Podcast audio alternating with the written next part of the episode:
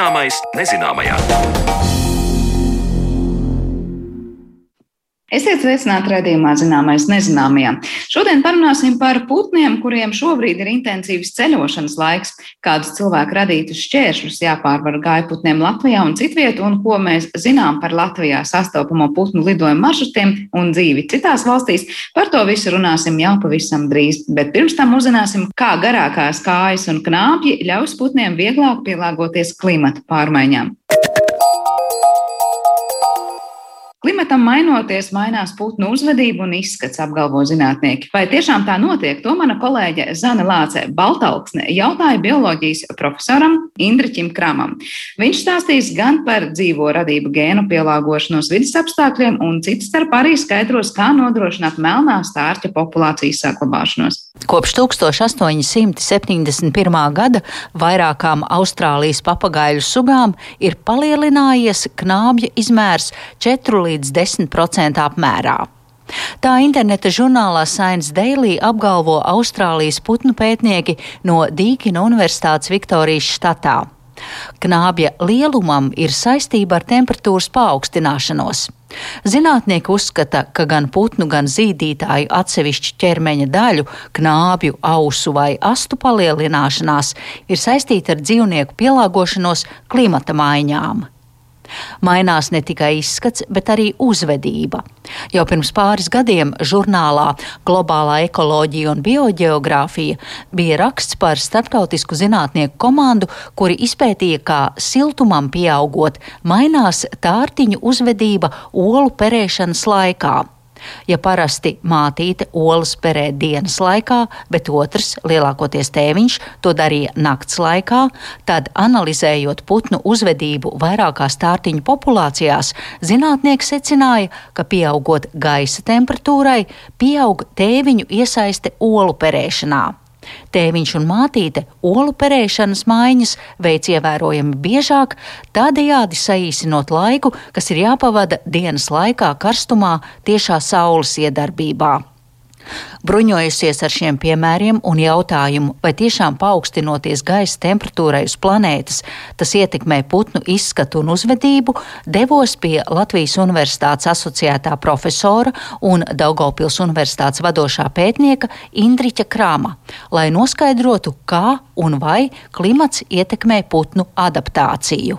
Tad, kad kāds putniņš savā dzīvēm Vienu gadu viņš uzvedas tā, otru gadu viņš uzvedas šādi. Tas ir viens variants. Otrs variants ir, ka viņa vecāki ir uzvedušies tā, ka viņš uzvedas jau kaut kā savādāk. Un tad mēs sakām, ka klimats ir mainījies, un acīm redzot, tā putna otrā tā paudze jaunatnē jārīkojas tā. Un, uh, mēs uzskatām, ka tā ir vienkārši runājot, pielāgošanās. Pielāgošanās, starp citu, ir visu jūsu pēcnācēju kopsuma, un pielāgošanās ir vairāk ģenētisks termins. Tas ir labs termins, bet ģenētisks. Un tad mēs visu kaut kur mēģinām visu izskaidrot ar klimatu. Tā kā, piemēram, ja kādam ir švaka veselība, tad bieži vien tiek eh, vainotas slikts klimats, eh, ka ir par augstu vai par siltu. Un ka, ja tev ir tāda slimība, tad to tomēr jābrauc uz Melno jūru vai uz Turcijas dienvidu piekrasti vai, vai kaut kādā sausā gaisā kalnos jāpadzīvo. Bet lieta ir tāda, ka mūsu gēnos tā programma, kas ir iekalta mūsu gēnos, tā nav tikai domāta šim klimatam vai tam klimatam. Piemēram, putni, tie paši tārtiņu veidīgie. Viņi pavasarī dzīvo kaut kur Latvijā, vai Nīderlandē, vai Anglijā, un pa ziemu viņi lido uz Āfriku. Tur ir pavisam cits klimats, pavisam citi apstākļi, pavisam citi vēja pūš, pavisam cita barība. Un neskatoties to, viņi ļoti labi tur dzīvo. Varētu teikt, viņi arī tur pielāgojas, tur adaptējas. Bet tas ir tieši tas piemērs, ka mēs esam spējīgi dzīvot visdažādākos apstākļos. Mūsu gēni to pieļauj. Bet ir jānotiek attīstībai tādā veidā, ka tā ģenētiskā programma, kas mums jau ir, tiek realizēta mūsu uzvedībā, mūsu ārējā izskatā, ja morfoloģijā, mūsu ķermeņa uzbūvē, ja arī tur morfoloģijā un anatomijā. Un, ja jūs dzīvojat kaut kādos apstākļos, kas ir ļoti, ļoti augsti, tad jūsu ģenētiskā programma realizēs visas tās jūsu bioķīmiskās un morfoloģiskās adaptācijas tādas, lai jūs pieaugušā formā jau izaugtu un būtu spējīgs dzīvot tajā superaugstajā klimatā.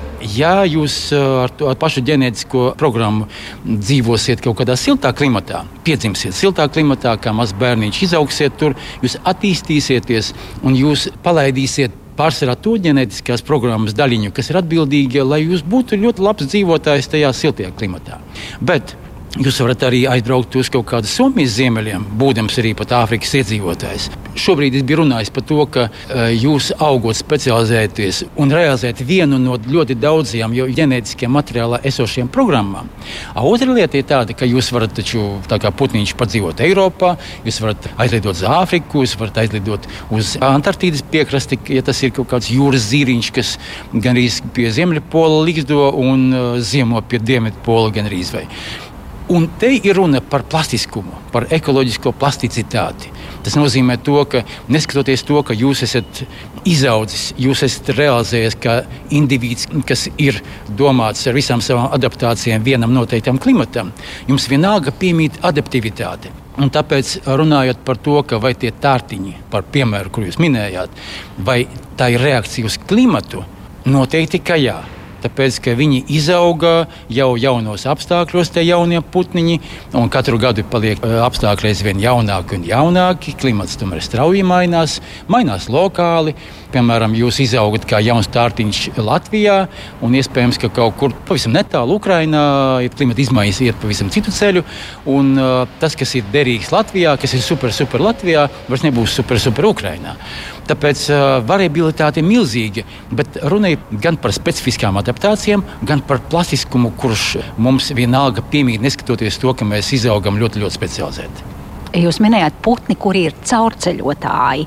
Tad šiem putniem es saprotu, vai tas ir ģenētiski ielikts, ka viņi zina, ka kaut kādā viņu dzīves periodā klimats mainās. Un ja mēs skatāmies uz tādām putnu sugām, kuras nu, nekust ne no vietas, nezinu, tāda zīlīte, kur te dzīvo jau kust. kurā paudzē. jā, nu kust, jā, bet tur viena klimatiskā areāla robeža. Jā, nu ne jau uz Āfriku. Jā. Un tad mēs pārējām pie nākamā tāda evolucionāro izmaiņu avota līmeņa. Tās ir jaunu adaptāciju rašanās. Jā, jau rodas pilnīgi jauns klimats, un tā plasticitāte, kas mums ļāva plus mīnus izdzīvot noteiktos apstākļos, vairs neder. Tāpēc, ka vai nu klimats ir kļuvis pārāk jau nu, karsts, vai nu pārāk lietains, vai pārāk augsts, tad izdzīvo tie, kuri kaut kādu mutāciju dēļ, kuriem piemīt specifiskas adaptācijas. Piemēram, tas pats spējas dzert pieaugušā vecumā pienu, kaut kad radās kā mutācija, un tā mutācija dod iespēju, ka jūs, jūs varat pienu slaukt. Jūs varat pēc tam no tā piena taisīt plašu spektru dažādu labu lietu. Tas nozīmē, to, ka, ja jums ir šī specifiskā mutācija un viņa tiek nodota jūsu bērniem, šī mutācija iekaros populāciju. Piemēram, Latvijā aptuveni 90% cilvēku kopš lopkopības sākšanās aptuveni 10 000 gadu atpakaļ ir iekarojusi Latvijas populācija gandrīz simtprocentīgi. Nu, gandrīz. Tas nozīmē, to, ka tikai kaut kādu nieka 500 paudžu laikā, 10 000 izdalām 20, dabūjam 500 paudzes. Tā mutācija ir iekarojusi, mums ir acīm redzot, gandrīz visiem ir tās spējas dzert kafiju ar pienu, ēst saldējumu, ēst jogurtus, ēst biespienu. Skaidrojums. Runa ir par laktozes nepanesamību, vēdera uzpūšanos, krampjiem un gāzēm, kas rodas pieaugušajiem lietojot uzturā pienu. Jo dabā ir iekārtots tā, ka pienu lietojam zīdaiņa vecumā, bet vēlāk tas nav nepieciešams. Tiek uzskatīts, ka tā ir ģenētiska iezīme, kas attīstījās pirms vairākiem tūkstošiem gadu kopienās, kur pieradināja govis un lietoja uzturā pienu un piena produktus. Lūk, tas ir par to, ka rodas pilnīgi jaunas, nebijušas pazīmes, jaunas adaptācijas, bioķīmiskās reakcijas, nu, varbūt, kas aiz tā viss stāv. Un iespējams, ka mm, ir kaut kādi kukainīši, ir kaut kādi putniņi, kas vēl vakar nebija spējīgi dzīvot uh, šajos apstākļos, pat ja tie nekļuva siltāki. Viņi pēkšņi ieguva kaut kādu, viņu uh, genomā nu, notika mutācija, un viņi ir ieguvuši daudz lielāku termo izturību nekā viņu vecāki. Un viņi Piemēram, man ļoti patīk velospēdu braukt, bieži visādiem um, profesionāļiem braukāju. Tad es vienam uh, puisim jautāju, klausies, nu, ļoti labi, ka mēs izbraucām tik agri, jo tā bija ļoti karsta diena, tik plānota. Un būs tik karsta diena, un mēs tik forši, ka mēs paspēsim tur kaut ko izbraukt. Nu, es dalījos ar savu sajūsmu. Viņš pret mani pagriezās un teica, kā man patīk karstums. Tad, acīm redzot, tā cilvēka, tā sportista termoizturība bija krietni lielāka par mani. Tāpēc, ka iespējams viņš no vecākiem bija mantojis kaut kādu mutāciju. Absolūti tas pats ir paputniem. Un tad vai nu tev ir tā mutācija, vai nu nav. Turpinājumā Indričs Krams stāsta par to, kā gēnu pielāgošanās varētu atrisināt melnā stārķa izdzīvošanu mūsu mežos. Proti, ir jāņem no šīs populācijas drosmīgākie īpatņi, un tādējādi mutācijas ceļā nākamās melnā stārķa paudzes vairs nebūs tik bailīgas. Ļoti tāds visiem pazīstams putns Latvijā - melnais stārķis. Nu, ar viņu ļoti interesanti lietas. Ja Latvijā ja mēs sāksim tur kaut ko meža zāģēt netālu, vai mēs tur sāksim tur bieži staigāt garām tam melnā stārķa likstē, viņš to likstu var pamest. Bet viņš ir tik bailīgs, Un tāpēc aizsargāt tādus, kas ir briesmīgi bailīgi, es teikšu skaidri un gaiši, nav nekāda liela jēga. Vai meklēt tādus putnus, kas nebaidās un radīt tiem apstākļus, lai tie varētu savus mazuļus laist pasaulē, lai viņi būtu vairāk, un tad melno stārķi mūsu mežos būs pa pilnam. Nu, ja, piemēram, tas Kā, ir. Tad, ja mēs, eh, kāds tur tā sakarība ir? A, sakarība tāda, ja viņš nav bailīgs, tad viņam, ja viņam ir notikusi mutācija, kas ļauj viņam būt drošākam, un viņš nebaidās no velosipēdista, kas tur pabrauc garām, no kaut kāda tur sēņotāja, ogotāja, un viņš iztraucē to maino stārķi, viņš ir projām. A, tie, kas iegūši mutāciju un vairs nav bailīgi, tie dzīvos mūsu mežos un melno stārķi būs pa pilnam paņemam no šīs melnās stārķa, tur izlases veidā jā. dažus īpašus. Un, un tos kā... aizsargājam intensīvāk. Pašlaik melnais stārķis mums paniski baidās, bēg un dara ļoti pareizi, pareizu lietu, jo dzīvniekiem no cilvēka savvaļā ir jābēg. Tātad mūsu gēni pielāgojas izdzīvot visdažādākajos apstākļos, un reakcija uz klimata pārmaiņām ir summa no specifiskas adaptācijas un dzīvo būtņu plastiskuma konkrētajā vidē. Līdz ar klimata izmaiņām klimats kļūst siltāks. Klimata izmaiņas nebūtu nav slikta lieta. Jebkurš zemnieks jums pateiks, ka īstenībā klimats Latvijā kļūst uh, siltāks, un tas ir labi aug lielākas kviešu rāžas, labāki kartupeļi. Klimata izmaiņu rezultātā mēs iegūstam īstenībā pat labākus apstākļus uz kaut kādu brīdi. Problēma būs tā, ka ja klimats turpinās pasildināties vēl un vēl, ja mēs varbūt iegūsim kaut ko pilnīgi traku. Par klimatu pārmaiņām un putnu spējām tām pielāgoties dzirdējām Zanes Lācis Baltaltnes sagatavotajā stāstā, bet raidījuma turpinājumā pievēršamies rudens migrācijai un šķēršļiem, kas šajā laikā putniem jāpārvar.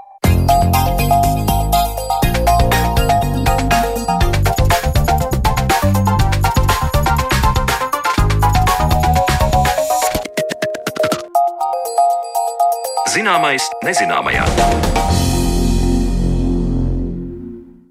Dienas kļūst īsākas, temperatūras zemākas un neiztrūkstoša rudens sastāvdaļa ir arī putnu kārš debesīs.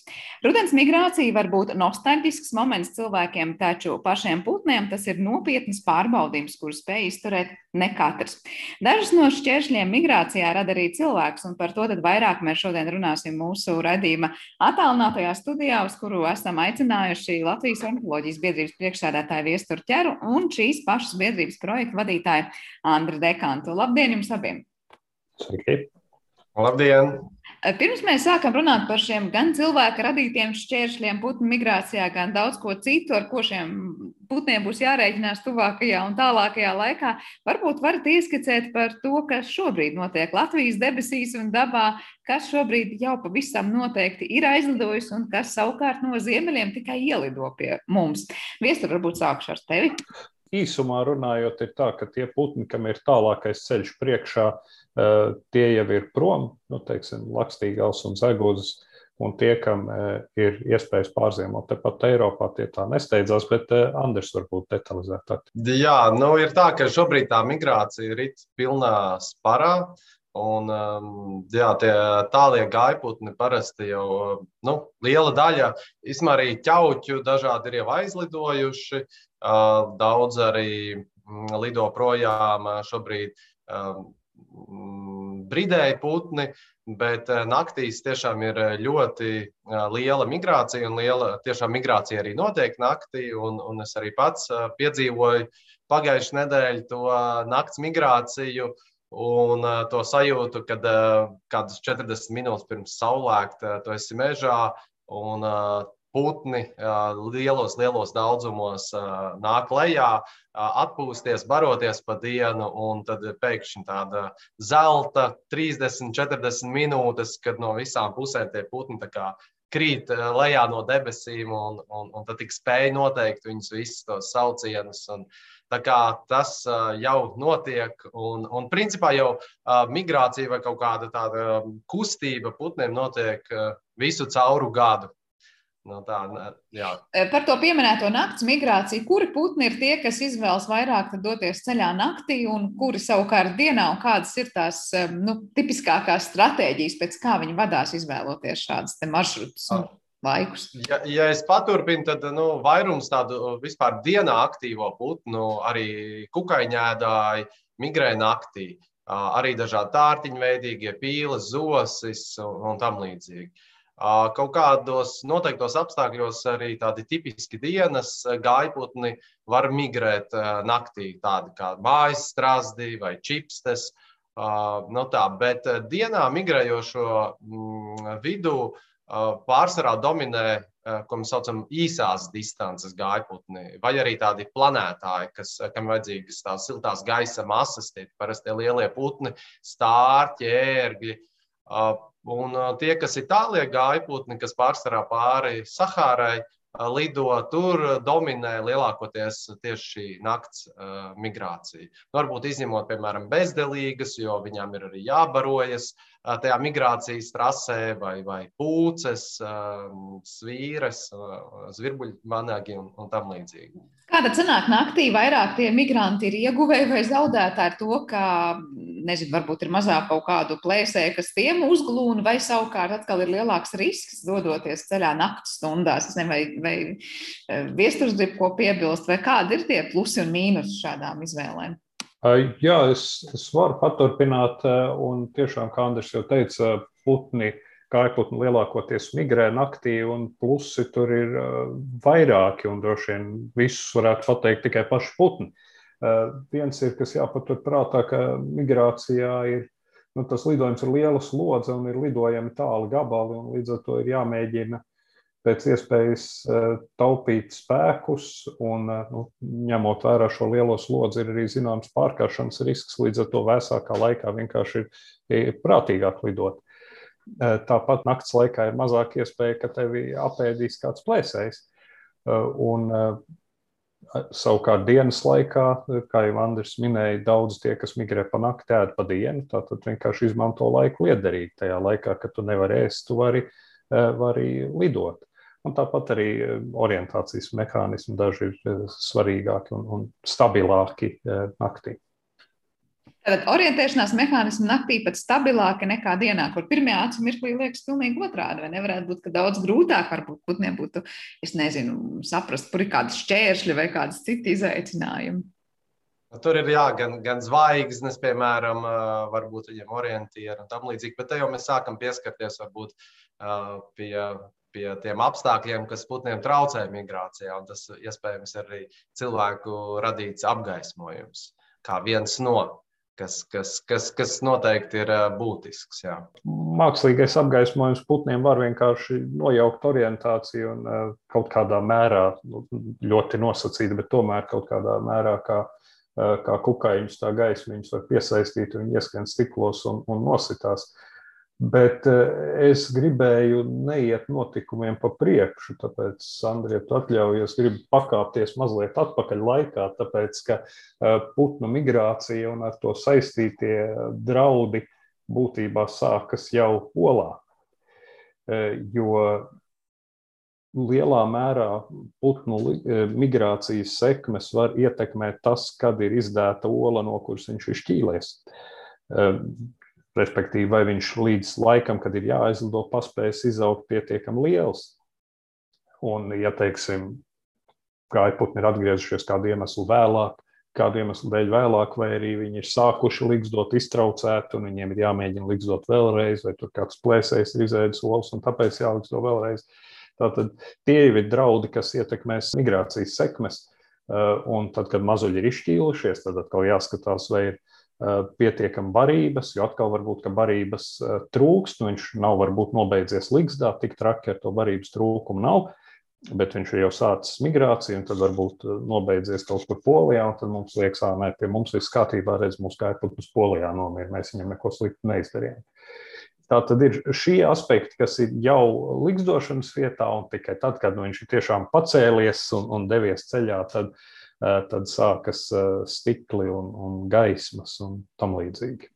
Eh, tu minētu šo kā būtiskāko, vispār fundamentālāko problēmu šobrīd, ja mēs skatāmies nu, Latvijas dabā vai Latvijas teritoriālajās robežās, kā tu tikko teici, putns varbūt iet bojā polijā, un mēs kļūdēni uzskatām, tā nav mūsu vaina, bet varbūt viņš vienkārši neizauga mūsu kaut kāda apstākļu dēļ, kurus tu minētu šobrīd kā lielākās problēmas ir eh, ļoti grūti tā saranžēt un pateikt, cik putnu aiziet bojā tā vai citu iemeslu dēļ. Eh, tāpēc arī reizēm tie iemesli var būt saistīti un neacīm redzami. Nu, kaut vai, piemēram, pēc novārgušu putnu ir lielāka iespēja, ka apēdīs kāds eh, plēsējs pa ceļam. Un atkal mēs varbūt vainosim plēsēju, nevis domāsim, to, nevis domāsim par to, ka putns ir bijis novārds. Eh, bet katrā ziņā, ja es klausu tavam ieteikumam domāt Latvijas teritoriālajās robežās par gaiputniem, tad, protams, pirmkārt, eh, pats pirmais, ko mēs varam darīt gaiputnu labā, ir nodrošināt viņiem sekmīgu mierīgu likstošanu šeit. Eh, Tātad netraucēt viņus likstošanas laikā. Nu, tas pats stāsts par mežstrādu putnu likstošanas laikā. Bet traucējums ir tikai viens, kā jau teicu, barības trūkums ir otrs ļoti būtisks aspekts. Un tur ir lietas, ko mēs eh, tiešā veidā nevaram ietekmēt. Teiksim, ja ir savs gads, tad daļai putnu var trūkt eh, barības, bet atkal daļai putnu savs laiks var nākt par labu. Teiksim, tādiem silto zemi putn, putniem kā pupuķiem un zaļai vārnai viņiem teiksim, lietains laiks nepatiktu. Eh, bet nu, arī tas pats daudz aprunātais stāsts par intensīvo lauksaimniecību, kur var trūkt kukaiņu, ko putniem ēst. Un, un tā tālāk. Tā kā pirmais jābūt nodrošināt viņiem sekmīgu likstošanu šeit. Vai tas ir pats izšķirošākais, domājot par viņu visu migrācijas ceļu, to ir grūti pateikt. Tīpaši tāpēc, ka par to, kas notiek Āfrikā attiecībā uz tāliem gaiputniem, mēs zinām samērā maz. Jā, Andri, varbūt kāds tev skatījums un komentārs pie tikko dzirdētā, varbūt kurus tu iemeslus varbūt minētu un izcelt īpaši šajā kontekstā? Es piekrītu par to, ka mēs sākam ar to skatīties, ko mēs varam darīt šeit, Latvijā. Un, noteikti putniem, īpaši tādiem lielākiem, vai, vai varbūt daļai putnu, ir svarīgas pasāvīgās apmešanās vietas, barošanās vietas. Tie var būt kādi ūdeņi, tie var būt purvi, tās var būt kādas jā, upes iztekas. Uh, um, un, un, un tam līdzīgi. Un, uh, tas, tas ir arī tās vietas, varbūt, kas mums ir. Uh, un mēs arī lielākoties, man liekas, tādas vietas arī uzturam, bet uh, ir svarīgi, ka, ka viņas ir un ka viņas arī tiek saglabātas. Uh, tas, uh, tas, ko arī dažādi pētījumi uh, rāda, ir tas, ka uh, populācijas lielākoties samazinās tiem gaiputniem, kas lido pāri Sahāras tūkstnesim. Uh, Un uh, viens varbūt tas skaidrojums ir, jā, Sahāra izplešas, un tur uh, nokrišņi uzreiz samazinās, meži samazinās un tam līdzīgi. Bet uh, nu, mums ir arī jāsaprot, vai, vai, vai tiešām tā problēma ir nu, Sahārā, vai, vai tā ir meklējama, kā viesturs saka, jau pie mums. Jo nu, tāliem gaiputnam vārdā jau tālais nozīmē, ka viņam ir garš, garš ceļš. Un, ja mēs viņam neieliekam tā teikt, uh, jau šeit to labāko savā dzimtenē, tad, protams, nu, jā, un, un mēs varam būt atbildīgi par tām lietām, kas notiek šeit pie mums. Tad es pareizi saprotu, ka mēs pārāk bieži varbūt sakām, jā, tas, kas apdraud putnus ceļā, ir tur kādā valstī ir to šaušana, kā tradīcija, no kuras netiek vaļā, vai kaut kur citur ir piesārņojums un putni mirst. Patiesībā mēs noņemam tā kā atbildību tajā brīdī no saviem pleciem nepamatot un nesakām, ka sāksim domāt ar to, cik, var teikt, gatavi tālajam ceļam vispār putni ir uzsākot ceļu, piemēram, no Latvijas dodoties projām. Jā, es domāju, ka lielā mērā tev ir taisnība, ka mēs labprāt noņemam atbildību un sakam, ka putni iet bojā kaut kur citur. Un noteikti tā šaušana vispārējais ir būtiska, un es domāju, tālākajā sarunā mēs pie tā pieskarsimies, bet tiešām, kā jau Andris pasvītroja, ir ļoti svarīgs tas izejas punkts putnām. Viņam šeit ir tas, kur viņš uzņem spēku, kur viņš uzņem degvielu turpmākajam ceļam. Ja viņam nav pieticis laika vai nav pieticis degvielas, tad tas ļoti ietekmēs to, kas notiek tālāk. Ja es varbūt arī uzskicēšu to, to globālo bildi. Um, aptuveni, protams, tas ir aprēķināts 5 uh, miljardi putni uh, lido ziemot uz Āfriku no Eiropas un Rietumāzijas. Nu, tā, tā ir tā masa. Un, un mums noteikti ir tā atbildība nevis tikai par tiem, kas ir uh, šeit piedzimuši, ko, kuru dēvē Latviju par dzimteni, bet arī visi tie, kas no ziemeļiem caurceļo Latviju, jo arī tie paļaujas uz Latviju, kā iespējams kādu atpūtas vietu, barošanās vietu, vietu, kur sagaidīt labākus laikapstākļus, labākus vējus. Un arī tādā ziņā mums uz to ir jāskatās.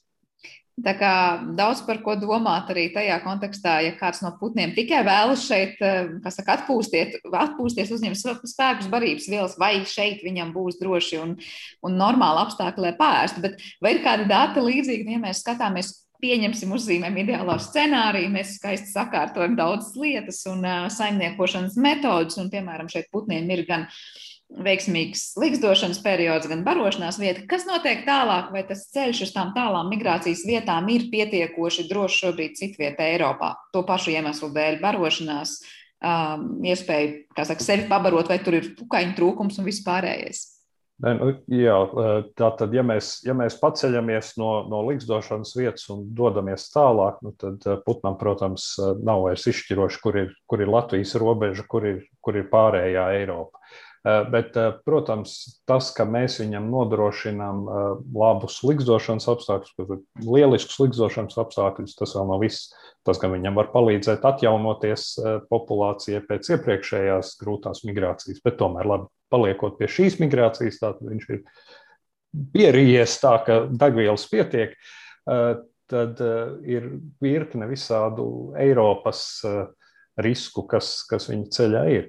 Eh, viens ir, ko mēs jau runājām par eh, barošanās iespējām. Tas ir svarīgi arī ceļā, it īpaši ceļa, ceļa sākumā, jo sākumā putni vairāk barojas, un tad tie pārlidojumi kļūst ar vien garāki. Ja mēs runājam par tālajiem eh, migrantiem, tad Sahāras tūkstnesim līdz jūrai jāpārlido pāri vienā paņēmienā.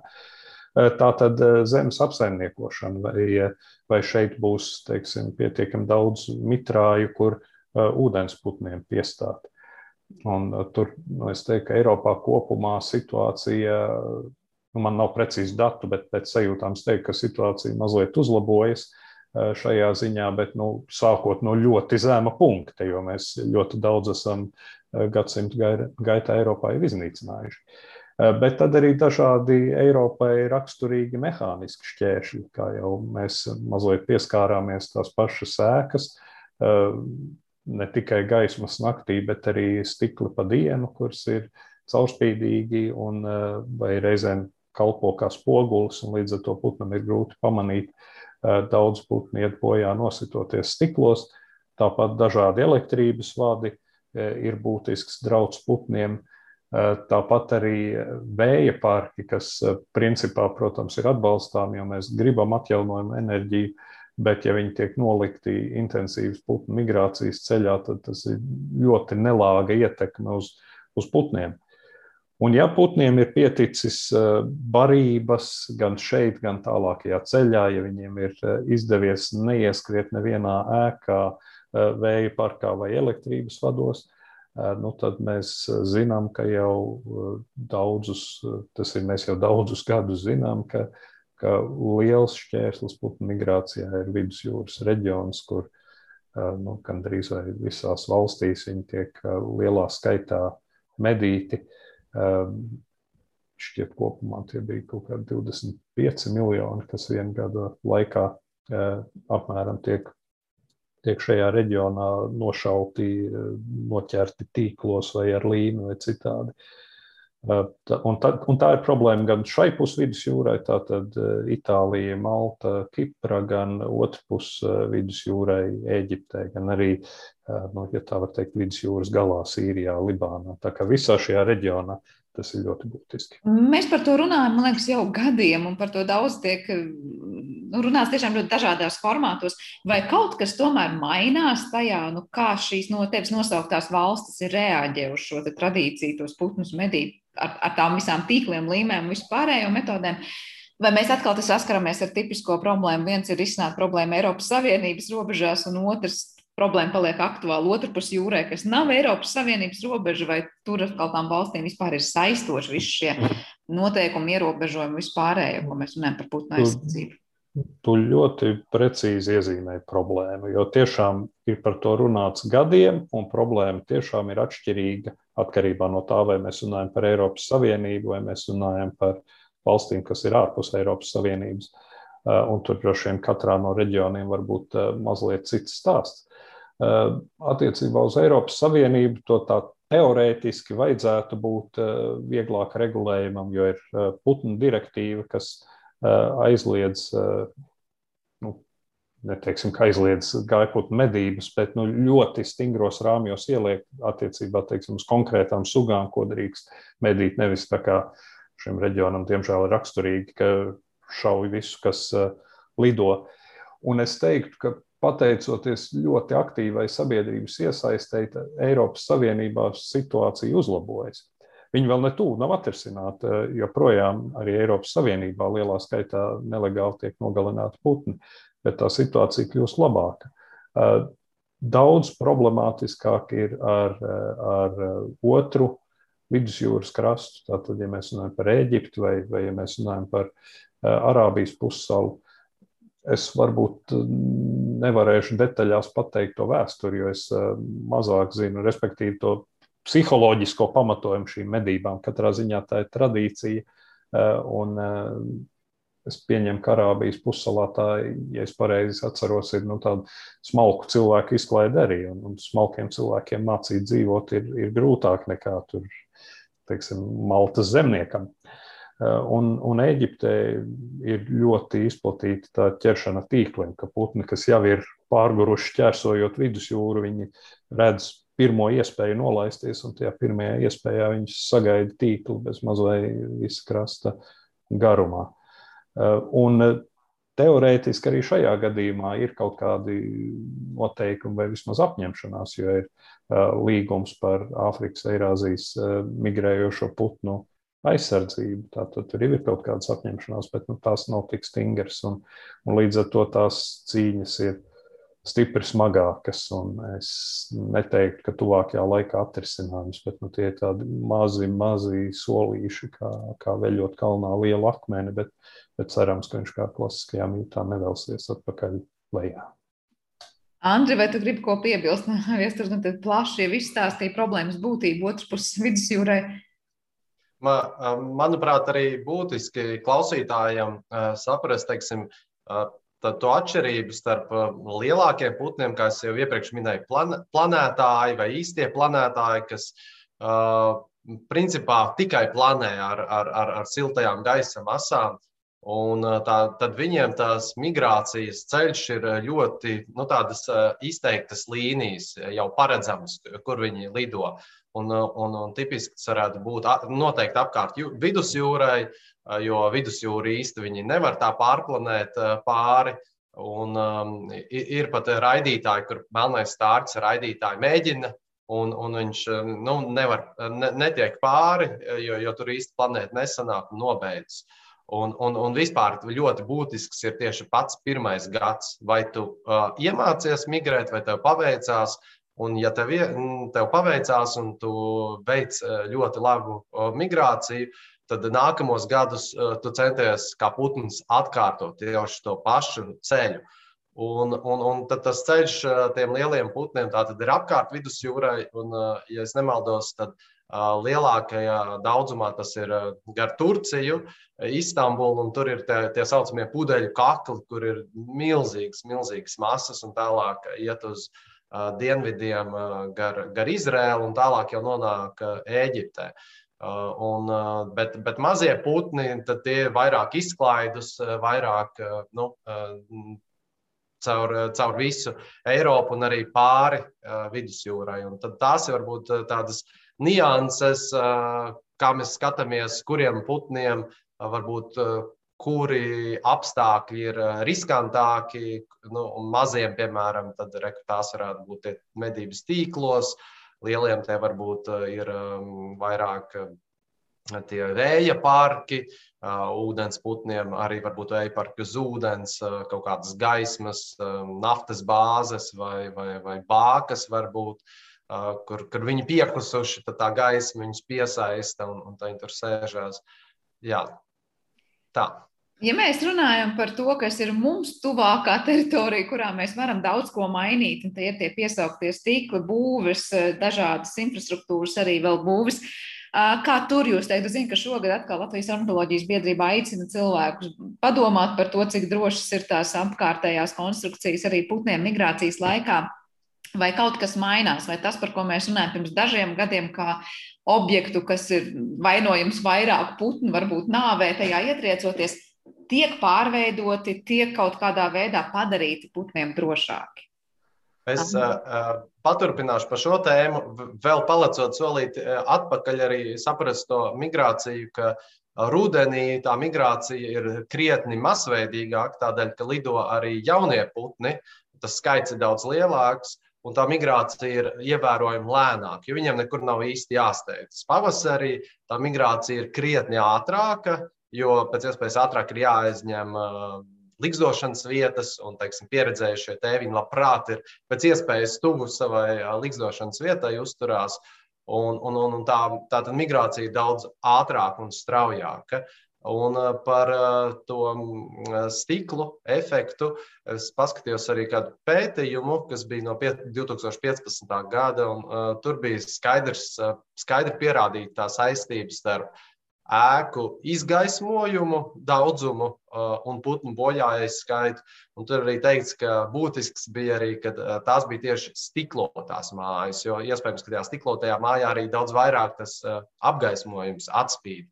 Un, un, un, un, jā, un tādā veidā arī nu, gaisma putnus piesaista.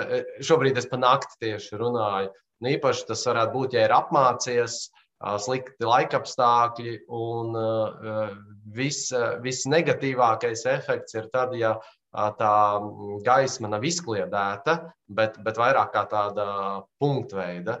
Un, un, jā, un, un tad, ir, tad ir tā lielākais nāves riska iespēja tieši naktīs. Dienās tās ir jā, lielas, lielas pārsvarā ēkas, ar, ar lieliem logiem, es gribēju teikt. Un, Viss negatīvāk ir, ja tie logi ir caurskatāmi, kad no viena loga var redzēt visam cauri līdz otrai pusē. Tas ir varbūt vēl koka augstumā, un, un, un, un tā putns domā, ka viņš tur var izlidot cauri. Atbildot pavisam īsi un pavisam precīzi uz to jautājumu, ko tu uzdevi, es teiktu, ka Eh, tā bilance ir kopumā negatīva. Nu, mums nav labas statistikas, bet es teiktu, ka stiklotu ēku un, un citu putniem bīstamu objektu mums eh, aug vairāk nekā, nekā viņi tiek pielāgoti putnu drošībai. Tur mums vēl ļoti daudz darāmā. Šobrīd ar arhitektūrā nu, tas ir tāds modes lieta, laikam, stiklots ēkas.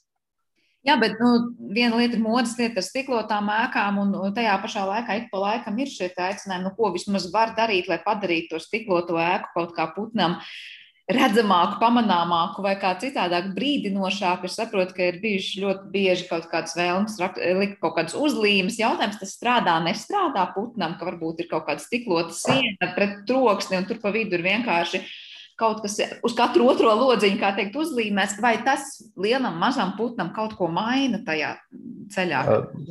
Uh, ja, ja tas ir izdarīts pareizi, tad tas maina, bet visjēdzīgāk būtu jau nenonākt līdz tām uzlīmēm, bet jau pašu ēku būvēt tā, lai nebūtu lielo stikloto virsmu. Un pat ja ir tās lielās stiklotās virsmas, tad tur arī ir dažādi risinājumi, ka viņi, teiksim, smuki spīd cauri no iekšas, skatoties uz āru, bet no ārpuses skatoties uz iekšu, viņi ir matēti. Respektīvi, tad, ja tas viss ir nespīdīgs, tad tas, protams, ir visdrošāk. Kaut kādas uzlīmes var līdzēt, bet vislabāk viņas līdzi, ja viņas ir logā ārpusē, jo iekšpusē viņi nevar izlabot to spoguļu efektu, ja tas stikls kalpo kā spogulis. Tātad ārpusē un arī pietiekamā blīvumā, respektīvi nepietiks viens putniņš uz, uz, uz vienu logu, tur vajag, nu, precīzi recepti jau nepateiks, bet, nu, teiksim tā, lai nav tālāk kā plauksta viens no otra. Respektīvi, tās uzlīmes, ja viņas tā salīmē godīgi, lai tas tiešām būtu droši, tad atkal es pieļauju, ka var traucēt cilvēkiem, kam ir licies, ka viņš gribēja lielo logu. Tāpēc es ieteiktu ēku būvētājiem par to domāt jau būvējot ēku, lai pēc tam nav ar, ar plāksterīšiem tas jārisina. Kā ar dažādiem citiem atbaidīšanas putnu mehānismiem, ar skaņām vai ko citu no tādām konstrukcijām nestrādās? Es, es kopumā teiktu, ka tas nestrādā. Ir, protams, dažādas nianses, bet kopumā tas nestrādā. Tīpaši pilsētās putni ir pieraduši pie tā, ka mēs visādi trokšņojam un iznesamies. Un, uh, un, un putni neuztver nopietni. Tieši tā. Un arī ir pieejami arī tādi stikli, kur jau ir iestrādāts jau iekšā dažādas tās UV um, atsarojošie vai putniem redzamās lietas. Tas arī ir vērts apdomāt. Un uh, būtiski ir um, iespējams arī ornitologa konsultācijas, eksperta konsultācijas, uh, ceļot to ēku, izvērtēt, vai uh, tā migrācijas trase teiksim, tur ir un, un vai. Vai, nu, migrācijas trase, kā, kā mēs runājam, kā kuram putnam, principā jau ir visa Latvija gan arī, bet, bet mēs runājam par lielāku vai mazāku to migrācijas trasi. Un, Un, un, un to ir diezgan viegli arī saprast. Un, un tad ir uzreiz eh, saprotams, vai šī ēka varētu būt ar paaugstinātu risku, vai, vai iespējams, ja viņa ir kaut kur uh, Rīgas eh, centrā, kur nav neviena koka apkārt, un iespējams, ka tur tas risks nemaz nebūs tik liels. Ir kādas īpašas vietas Latvijā, kuras jūs noteikti, varbūt, eh, noteikti liktu akcentēt un teikt, nu, ja jūs esat tajā reģionā, noteikti domājat par to, ka jūsu potenciālās būves ir nu, ļoti, ļoti augsts risks putniem. Vai jūs no, nu, iezīmējat tipiskus koridorus? Tā, nu, zināmā mērā ir tas, ko Andris jau teica, ka faktiski visa Latvija ir putnu migrācijas trase, bet ja mēs runājam par kaut kādām koncentrācijas vietām, Eh, tad noteikti īpaši riskanti ir eh, rietumu piekraste. Tātad, ja mēs domājam par vietām, kur varētu būt liels stiklots ēkas, tad Ventspils un Liepāja būtu tās vietas, kur īpaši jāpiesargās. Un, un līdz ar to šīs būtu arī īpaši riskantas vietas no vēja parku viedokļa un tam līdzīgi. Eh, bet, un, bet nu, tik, jā. Arī tas, ka tā migrācija pavasarī lielākoties iet Mm, gar atklāto jūru skolku un, un tad tālāk jūrā iekšā. Um, rudeņos tā migrācija bieži vien iet gar ainažiem, salacgrīvu pa to pusi, uh, un, un tad uh, gar Rīgu, un tad tā masveida aiziet, kā izplešās, bet atkal līdz jūrai, liepāja, un tālāk jau uh, papa, kur ir putnu Eh, ķeršanas arī stācija tieši migrācijā, un, un tur ir arī liels tas eh, nu, masveidā. Tā kā es gribēju papildināt, ka noteikti arī eh, tā piekraste, kas ir gar ainažiem, un īpaši rudeņos, tur ir ļoti, ļoti liela izteikta. Un, un, respektīvi, Rīga, Rīga arī. Jā, to...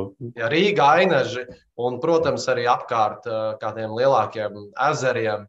Ja mēs domājam, iekšzemē tur varbūt Lubāna ezers un, un, un tam līdzīgi, tur, tur varbūt nebūs tie, tie putni, kas lido gar jūru, bet tur atkal būs uh, citi, vai nu tās būs zosis vai, vai gulbji uh, un, un tam līdzīgi. Tad sanāk, Latvijā tiešām vienā kādā no vietām vairāk varbūt būs jādomā par to, vai tā ir īstā vieta stikla konstrukcijām, otrā vairāk par to, vai tā ir atbilstoša atpūtas un barošanās vieta putniem. Un, kā teikt, visā Latvijā noteikti aktuāli domāt par to, vai likstošanas laiks ir bijis pietiekoši veiksmīgs, un mēs kā cilvēki neesam darījuši ko tādu, lai traucētu tās likstošanas sekmes, un vai vispār šie putni ir paspējuši izaugt tik lieli un tik, tik spēcīgi, lai dotos tālajā ceļā, un, protams, ir iemācījušies saskarties ar visiem tiem izaicinājumiem, kas to gaida. Paldies jums liels par šo sarunu, un tas tikai pierāda, ka vērojot putnus un to migrāciju, vienalga, tas ir pavasars vai rudens, ne tikai ir jāpriecājas par putniem, bet arī jāpiedomā pie tā, cik ļoti atbilstošus un drošus apstākļus mēs tiem radām šeit un arī citās vietās. Paldies jums vēlreiz par sarunu, un es atgādināšu klausītājiem, ka šajā raidījuma pusstundā mēs bijām kopā ar Latvijas ornitoloģijas biedrības priekšsēdētāju Viesturu ķerus un arī šīs pašas biedrības projektu vadītāju Andru Dekantu. Ar to arī šis raidījums ir izskanējis, un par to parūpējās Paula Gulbinska, šī raidījuma producente, un Girds Bišs, mūzikas redaktors šai stundai. Mēs tiekamies jau atkal rīt. Visu labu!